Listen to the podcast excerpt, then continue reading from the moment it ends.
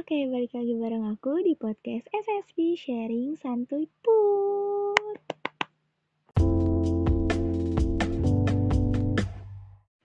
Hai, selamat malam podcaster. Sekarang kalian akan mendengarkan episode ini dengan judul Bertepuk Sebelah Tangan. kalian pernah ngalamin ini nggak? Kalian jatuh cinta pada seseorang, tapi seseorang itu jatuh cinta pada orang lain. Aku pernah menjadi manusia bodoh yang terus-menerus memperjuangkan orang yang jelas-jelas gak punya perasaan apa-apa sama aku. Hampir satu tahun saat itu, aku terus mengharapkannya. Aku nggak tahu kenapa aku bisa jatuh cinta, padahal dia itu teman satu organisasi, teman satu sekolah. Mungkin karena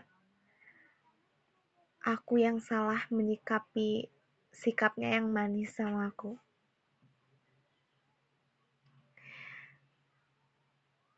Soalnya setiap ada perkumpulan organisasi, dia selalu baik dan perhatian sama aku.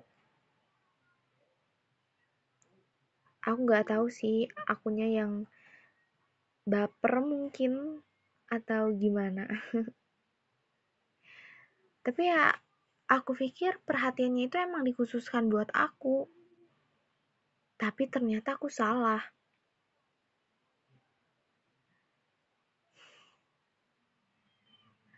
Gak cuman di lingkungan sekolah sih sebenarnya. Di luaran pun pernah dia ngasih perhatian kecil ke aku. Contohnya, Waktu itu aku pulang sekolah, jalan kaki sendiri.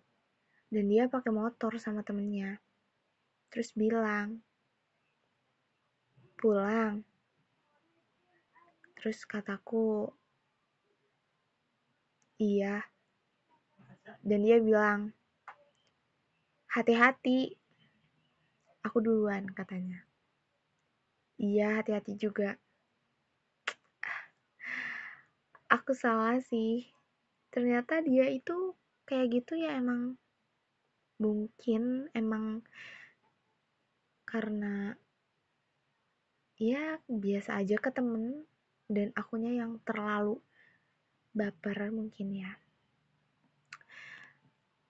tapi dulu itu sering juga loh cetetan ngingetin sholat dan selalu mengajarkan tentang kebaikan.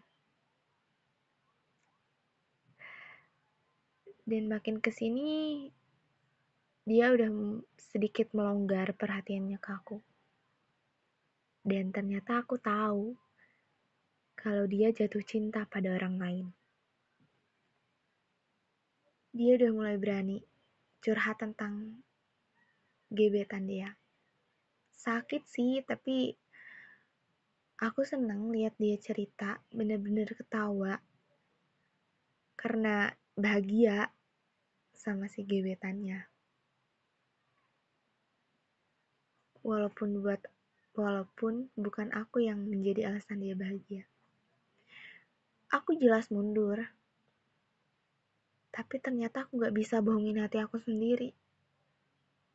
Kalau aku masih ada perasaan khusus sama dia. Tapi aku gak bisa apa-apa aku cuma bisa lihat dia mencintai orang lain.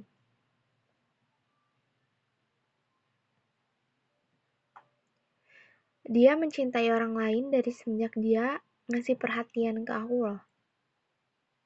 Dan saat itu pertanyaan muncul dari isi kepalaku. Terus kenapa ya dia benar-benar seperhatian itu waktu itu? Tiap hari chat-chatan, selalu mengucap hati-hati, perhatian, dan yang lainnya. Ah, akunya aja sih yang bodoh, terlalu gampang menyimpulkan perlakuan seseorang tanpa aku tahu yang sebenarnya. gampang menaruh hati.